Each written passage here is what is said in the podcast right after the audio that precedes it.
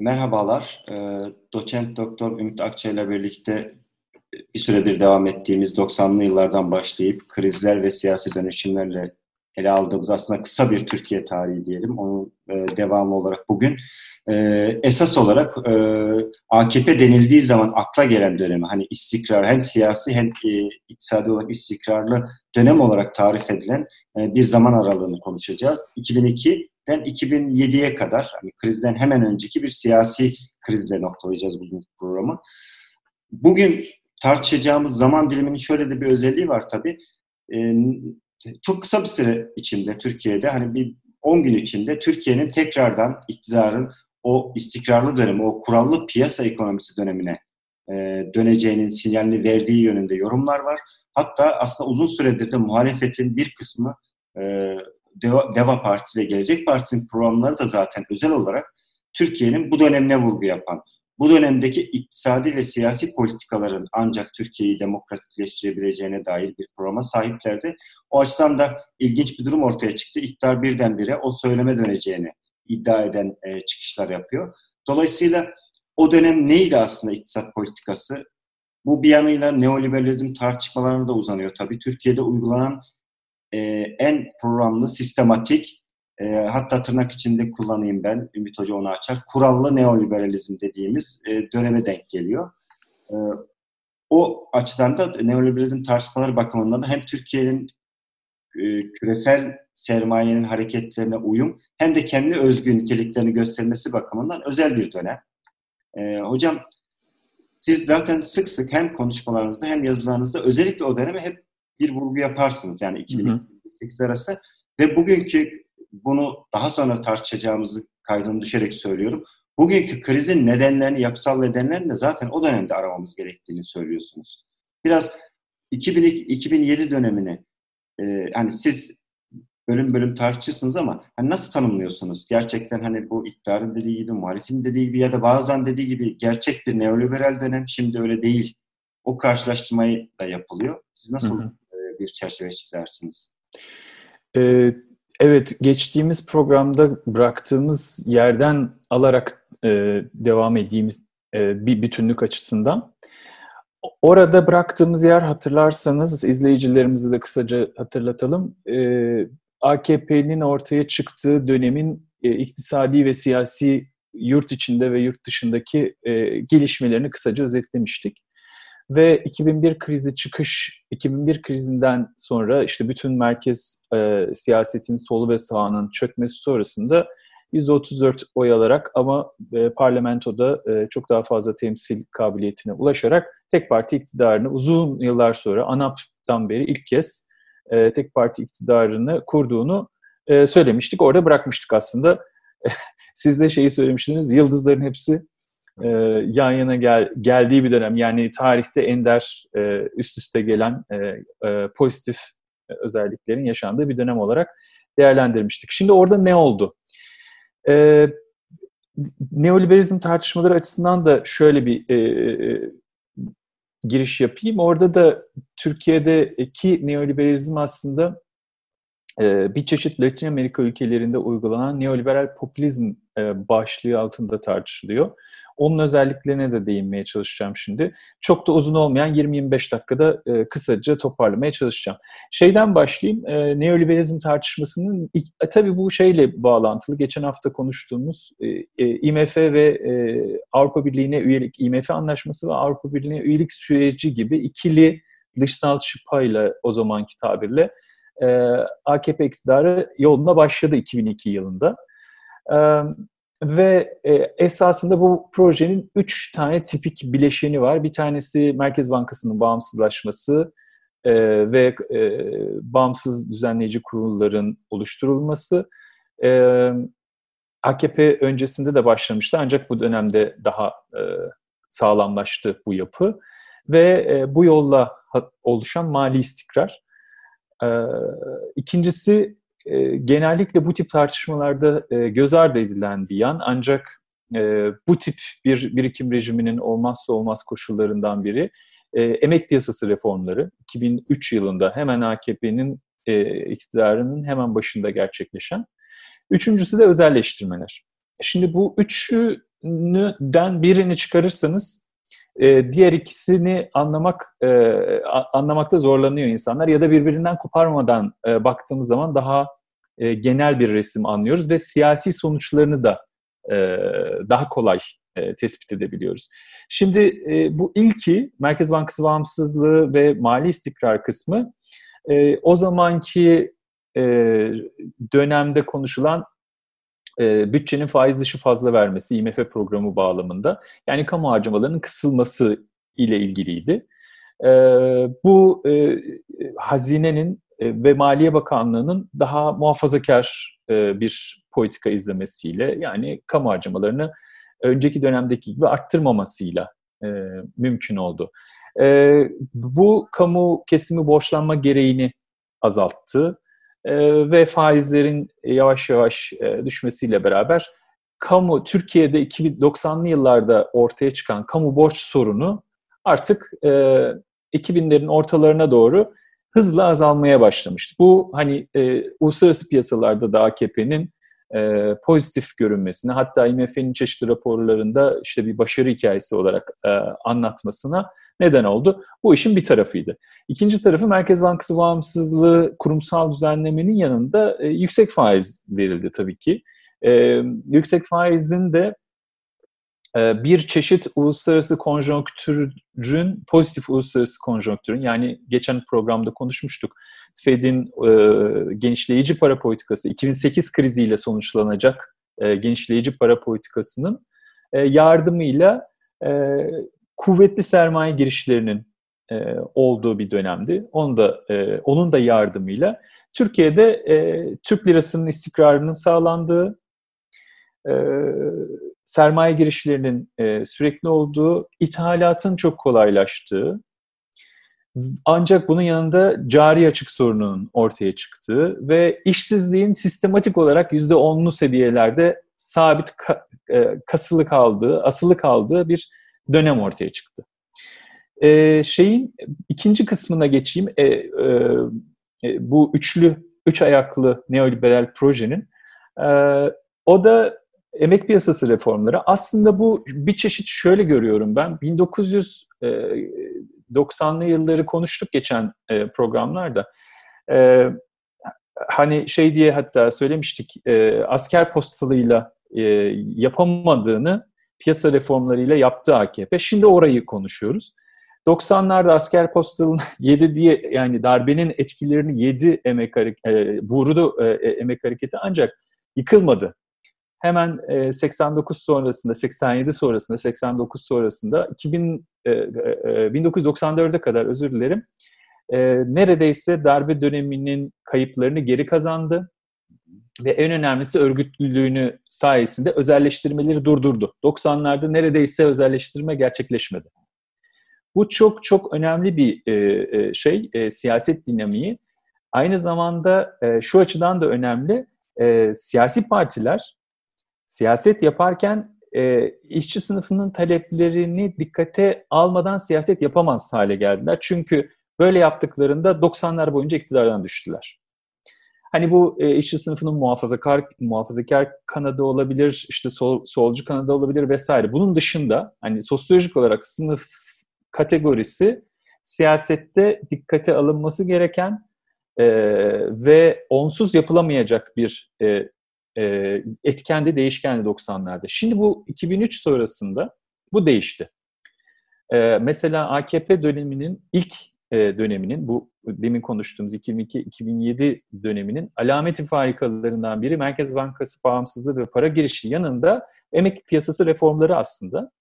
Ne oldu orada? 2003'teki yasa 1971'den beri yürürlükte olan iş kanunu değiştirdi.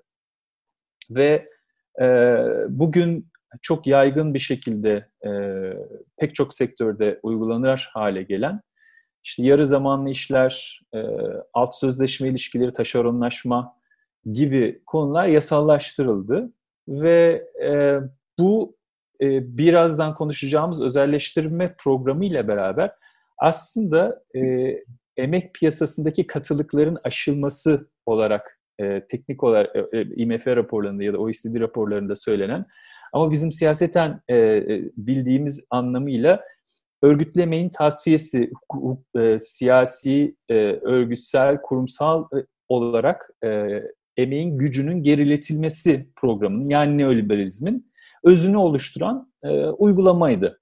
Şimdi bunun etkileri o kadar dramatik oldu ki e, biz e, şeyden takip edebiliyoruz. Türkiye'de sendikalaşma oranının gerilemesinden takip edebiliyoruz. E, 90 e, şey 90'ların sonunda 2000'lerin başında ki e, işte yüzde 20'leri farklı hesaplamalara göre e, farklı rakamlar var. Ancak yüzde 20'lerin üzerinde olduğunu kesin biliyoruz. Bazı hesaplara göre yüzde 29. E, biz 2015'e geldiğinde bu rakamın yüzde 6'lar 7'lere kadar indiğini görüyoruz. Yani korkunç bir tasfiye dönemi. E, eşi benzeri görünmemiş bir tasfiye dönemi. Bir araya girip bir şey hatırlatayım hocam. Tabii. 90'lı yıllarda e, emek hareketin en büyük karşı durduğu şeylerden birisi özelleştirme, ikincisi taşeronlaştırmaydı. Evet. Taşeronluk hatta şöyleydi. Taşeronlaştırma haber oluyordu gazetelerde. Yani taşerona verildi diye iş. Bu şey görülüyordu. Hani e, yasalara aykırı e, bir durum. Hatta hani emeğin aleyhine bir e, sinsilik olarak hani onun haklarını gaspına yönelik bir şey olarak görülüyor taşeron. Bugün devlet işleri taşeronlarca yapılıyor. Sözleşmeli personel e, kamu yönetiminde de yerleşti. Yani sadece şeyle kalmadı. Hep o ihmal ediliyor. Bir söz vardır hani e, Marx'ın tam aktaramayacağım ama tarif ettiği şey şudur. Bir toplum ancak hani işçi sınıfı nasıl koşulları kadar o koşullara sahip olabilir diye. Ancak onun yaşam koşulları belir kadar bir koşul e, şeyinde e, yaşayabilir diye. Burada şunu görüyoruz hani işçinin o özelleştirme, taşeronlaştırma gelecek kuşaklara bugün orta sınıfların güvencesizlik dediği şeyin esasında temeli sizin anlattığınız işte 71'den beri değiştiremedikleri iş kanunun değiştirilmesi. Yani bugün hani prekarya deniyor, orta sınıflar güvencesiz deniyor. O, o birden ortaya çıkmış bir şey değil. Aynen. Ee, katılıyorum. Sonucu olarak. Onu bir belki vurgulamak için. Evet, evet. Ee, Şimdi bunu bu örgütlü emeğin tasfiyesi sürecine bir de şeyi ekleyelim. Enflasyon hedeflemesi sistemiyle ücret artışlarının sınırlandığı bir yapıyı ekleyelim. Karşımıza şöyle bir tablo çıkıyor. Yani güvencesizlik, uzun çalışma saatleri, yapısallaşmış yüksek işsizlik oranı, düşük ücretler ve hızla artan bir boşluk. Şimdi biz buna otoriter emek rejimi diyoruz aslında e, literatürde işte çalışma ekonomisinde çalışma ekonomisi alanında e, yazan e, hocalar e, ya da akademisyenler bunu daha iyi değerlendirir ancak bunun şeyi bu e, karşılığı bu. E, üçüncü ayağa gelelim. Hani ilki Merkez Bankası bağımsızlığı ve mali istikrar, ikincisi emek piyasasındaki değişim, üçüncüsü de özelleştirmelerdi. Özelleştirmelerde de az önce konuştuğumuz gibi bu şeyin e, emeğin örgütlü, işte kurumsal, siyasal, e, sosyal, sosyal gücünü kırmaya yönelik programın aslında bir diğer aşamasıydı e, özelleştirmeler. E, 1980'lerden itibaren gündeme geldi. 84'te hatta özelleştirme idaresi e, e, tartışılmaya başlandı. Ama esas şeyi, esas özelleştirmelerin gir, devreye girdiği dönem bu dönemdi. E, hatta e, Maliye Bakanı'nın ismini hatırlar hatırlatırsanız. Kemal Unak'tan. Heh, babalar gibi satarız dönemiydi. Ee, Onu da Unak'tan, satışında söylemişti hocam. Efendim? Onun da telekom satışında söylemişti bu lafı. O telekomun ne olduğunu da şimdi hani görüyoruz şeyde. Şimdi Varlık Fonu'nda galiba tekrar. Hayır, e, e şey öz, üç özel e, bankanın e, şeyinde. Telekom. Ha, peki. Peki ya da Varlık Fonu'na alınması e, konuşuluyor. Evet, doğru. E, bu şöyle bir şey oldu özelleştirmeler. E, bir e, hazineye gelir sağlama, sağlayan aslında e, kitlerdi bunlar, karlı kitlerdi. E, onu vurgulamak lazım. E, kamu iktisadi teşekkülleriydi. E, hazineye gelir sağlaması e, ancak şöyle bir şey yapıldı. E, birkaç yıllık şeylerine, e, karlarına diyelim e, neredeyse bütün kitler satıldı. Yani satış bedelleri, e, kitlerin özelleştirme bedelleri aslında birkaç yıl kar yani hani biraz daha uzun e, sayalım ama hani şimdi 20 yıl geçti neredeyse üstünden bu özelleştirmelerin. bu, bu bedele satılmış oldu ve toplumsal varlıklar hani e, insanların vergileriyle, vatandaşların vergileriyle oluşturulmuş toplumsal yatırımlar bir kısım özel kesime e, aktarıldı ve e, özelleştirmeleri alanların da bugün hani e, yine bugünkü tartışmalara referans verirsek aslında Türkiye'nin büyük sermaye kesimlerinin o özelleştirmeleri aldığını görüyoruz. Yani işte e, petrokimya sektöründen tutun e, ağır e, kitlerin bulunduğu alanlardaki özelleştirmelerin genelde o büyük sermaye kesimlerinin yararlandığını görüyoruz. Bir şey daha oldu kitlerin özelleştirilmesi. Bir anlamda kamu kamu kesiminde örgütlü olan daha militan sendikacılık e, tasfiye edilmiş oldu. Sendikacılık açısından. E, daha güvenceli işlerde olan e, e, bu tabii 2010'daki tekelin e, tasfiyesiyle zirveye e, vardı. Bu yani en görünür hali. Hani daha önce SEKA'da da gerçekleşti ama tekel e, özelleştirmesi o, anı, o, o, o anlamıyla Türkiye'deki eski tip sendikacılığın da belki son kalesidir hocam. Evet, son kalesi. Bir de az önce söylediğiniz 90'larda başlayan sürecin de aslında hani emek hareketi açısından e, iyi yönetilemediği ya da gelen o dalganın karşılanamadığını gösteriyor. Çünkü e, 2010'da çok iyi hatırlıyorum ben e, Ankara'da bir destek vardı, Türkiye genelinde bir destek vardı. Ancak e, güvencesiz e, çalışanlar onları zaten ayrıcalıklı işçi olarak görüyordu. Emekli hakkına sahip, lojmanı olan, efendim işte e, çeşitli e, yardımlara e, sahip bir e, çalışma rejimi ile zaten e, geniş toplum kesimleri hiç buluşamadığı için bu, bu tip e, sendikacılığa, e, daha doğrusu bu tip iş tiplerine zaten ayrıcalıklı olarak baktığı için geniş kesimler e, emek hareketi bu kesimlerle birleşemedi. Yani işte az önce söylediğiniz taşeron işçileri de e, işsizleri de e, hatta o dönem toplumsal hareket sendikacılığı diye tartışılıyordu bu. E, farklı toplumsal kesimlerin de emek hareketinin bileşeni haline geldiği bir hattı örgütleyemedi e, maalesef. Zaten sanırım otoriter emek rejimi diye biraz önce söylediğiniz rejimin en önemli sonuçlarından ya da gayelerinden birisi de budur. Aslında sınıfı parça yani parçalamak, işleri birbirinden parçaladıkça sonuçta onu yapan insanları birbirine karşı da bir rekabet haline sokuyorsunuz. En güzel örnek siz çok doğru hatırladınız. Tekelde görüldü bu. 4C'li, 4B'li yani o, o dönem şey kadro şeyleri farklıydı. Ee, tekeli bütün olarak harekete geçirmemesinin nedeni sonradan alınmış sözleşmeli işçiler bu kadrolu işçilere destek olmak istemedi. Büyük oranda. Evet. Evet, evet, evet. E, neyse uzatmayayım. Bu tabii çok daha büyük bir konu. E, belki ayrıca e, farklı boyutlarıyla bu, bu dönemin bu dönemlerin belki bir daha üstünden e, geçeriz ileride. Hocam bir de e, o dönem şey ayağında belki eksik kalmasın zamanda var. E, para politikaları açısından da söyleriz. Çünkü bugün en fazla referans verilen şey o dönemin para politikaları. Hı hı. Neydi yani? Nasıl bir hani düşük düşük kur, faiz hı hı. sadece bu faizlerle sayesinde mi düşük kur olmuştu? Kur düşük olduğu için mi e, işte Türkiye'deki o istikrar sağlandı? Onu aslında ilk şeyde ilk ayakta söylemeye çalıştım ama tekrarlayayım.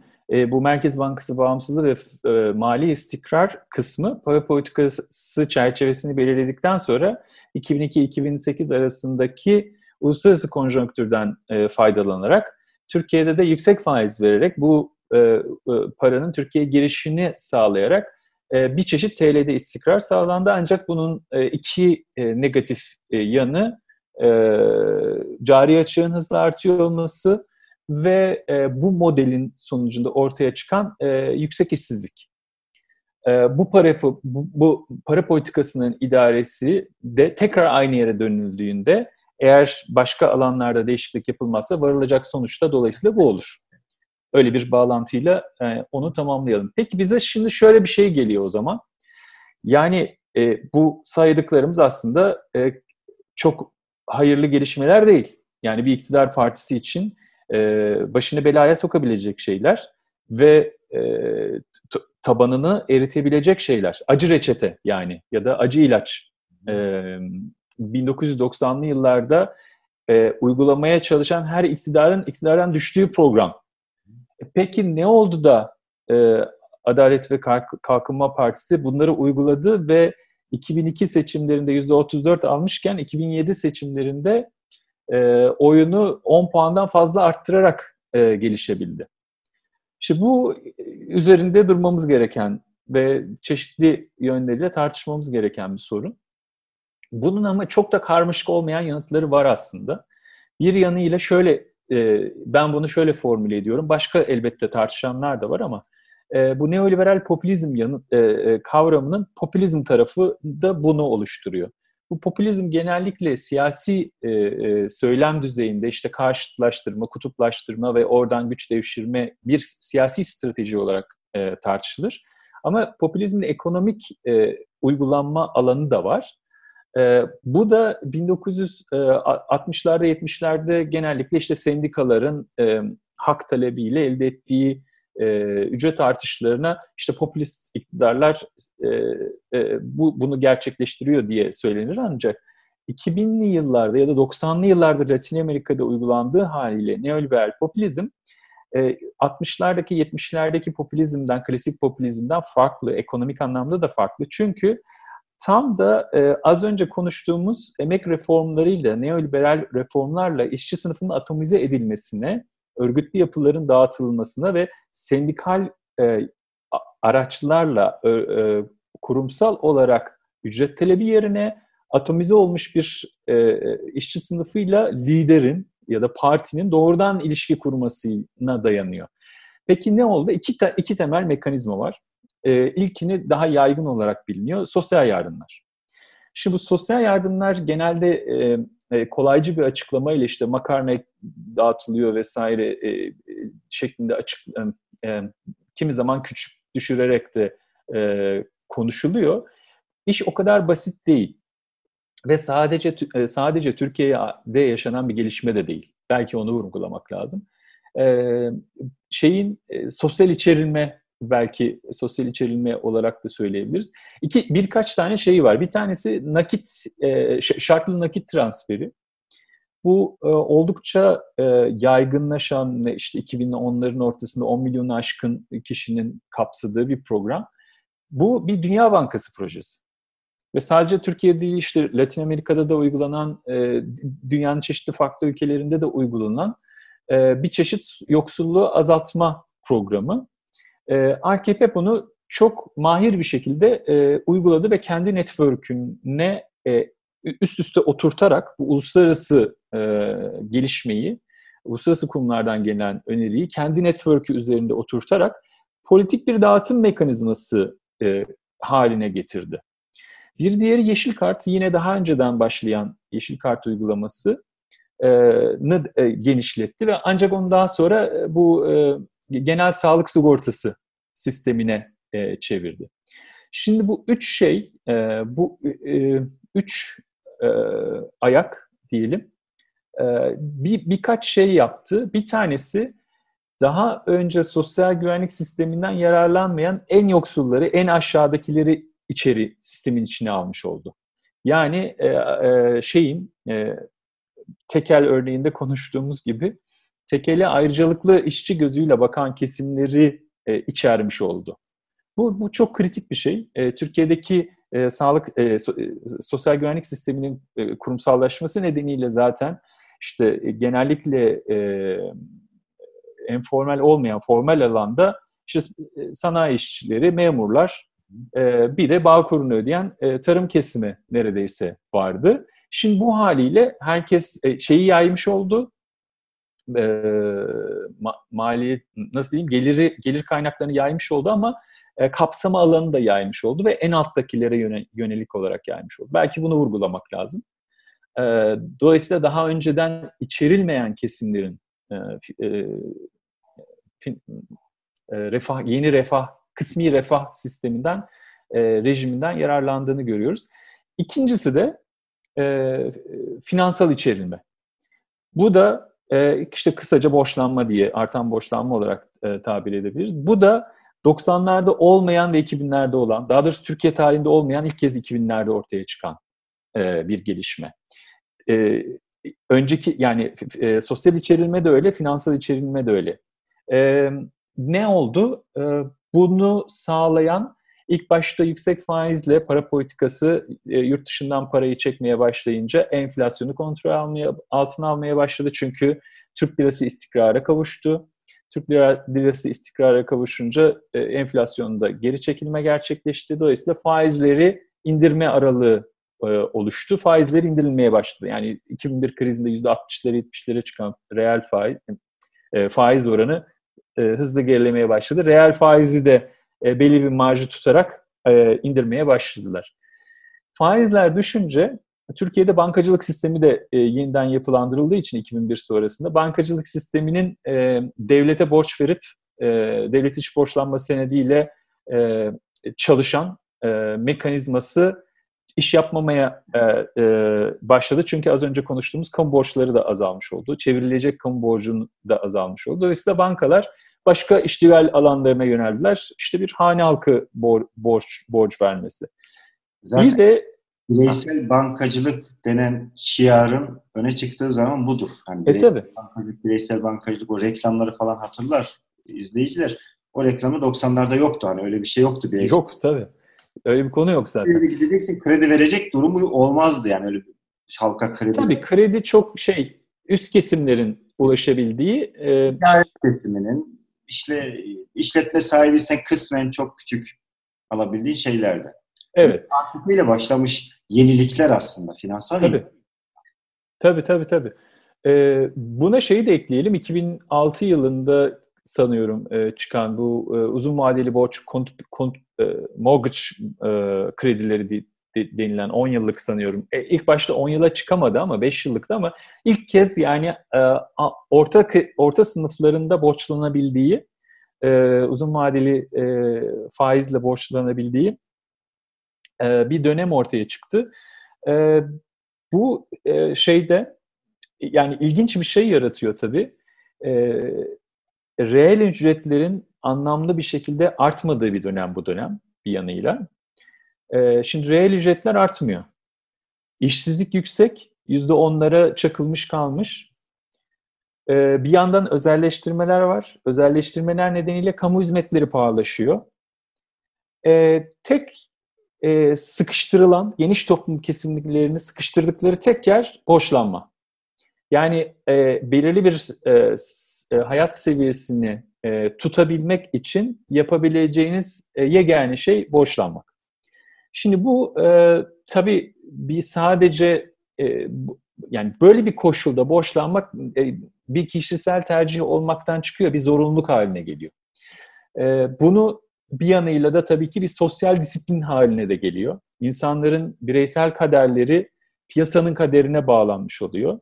Ve iktidardaki parti için de bir siyasi istikrar talebinin e, sürekli canlı tutulmasını beraberinde getiriyor. Çünkü faiz artarsa, siyasi istikrarsızlık olursa faiz artacak.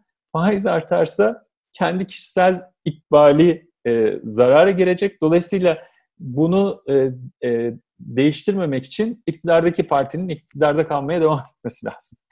Böyle bir ilginç e, denklem de kurulmuş oldu.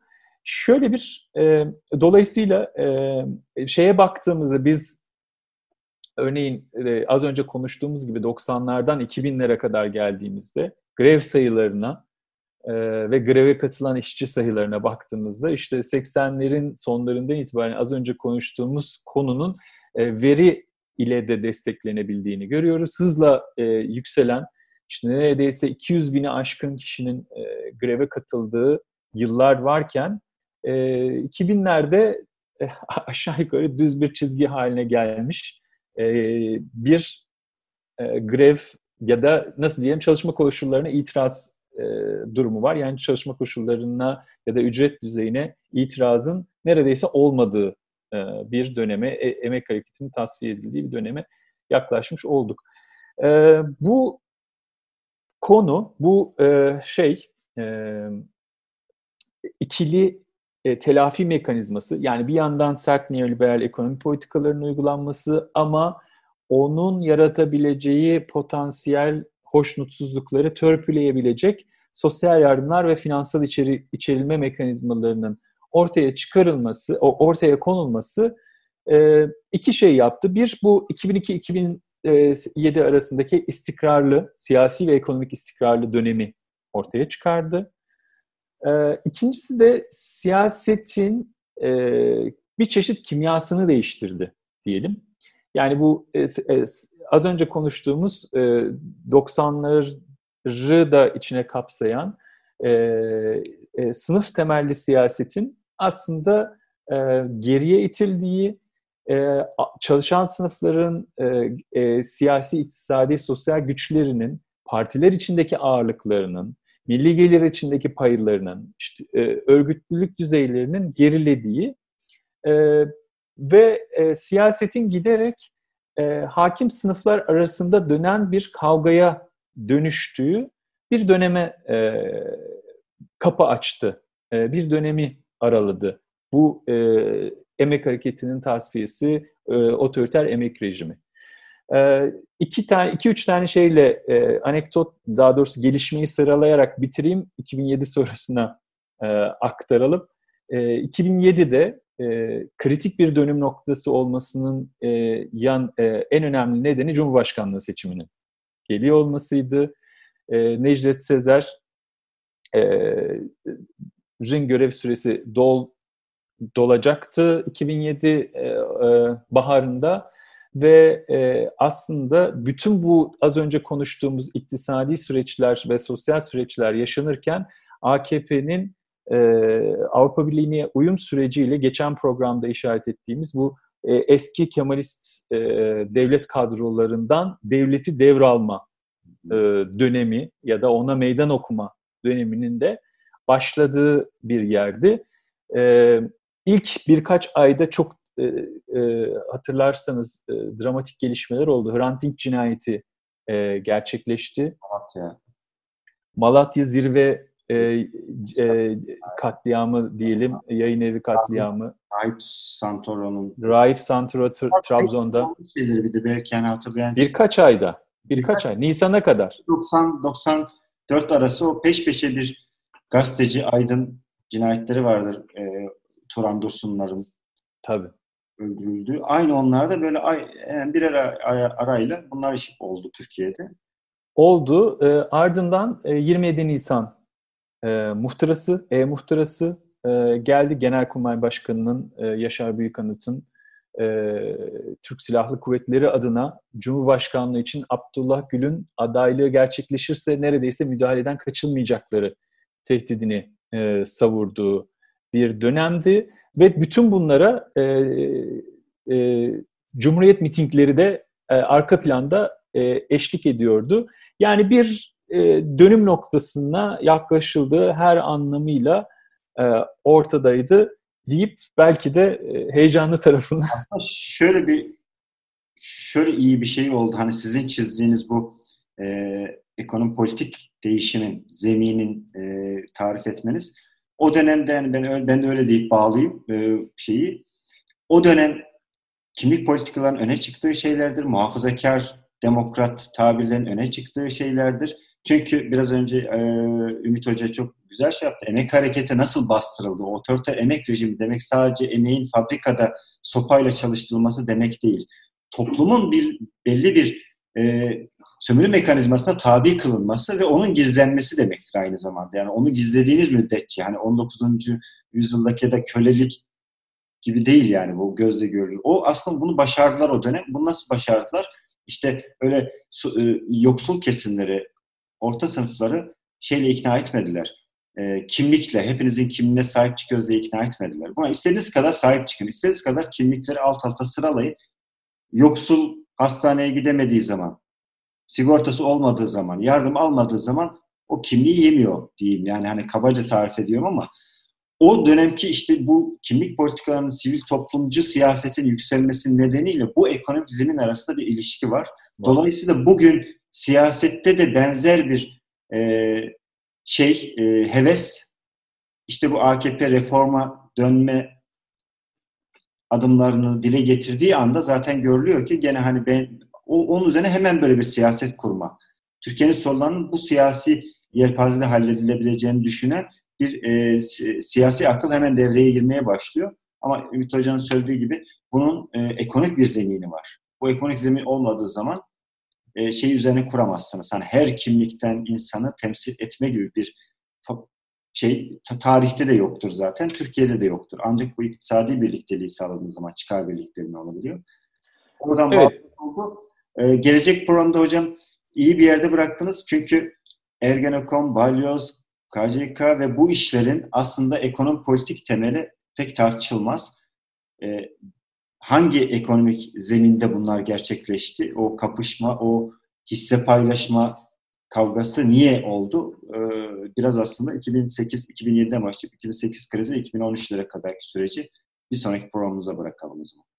Tamamdır. Gayet güzel oldu. Ee, iki hafta sonra görüşmek üzere. Ee, önümüzdeki hafta dediğimiz gibi aslında Türkiye'nin son dönemine damgasını vurmuş siyasi çalkantıların, çatışmaların e, ekonomi politik temeline, ilişkilerine birlikte anlamaya çalışacağız. Görüşmek üzere.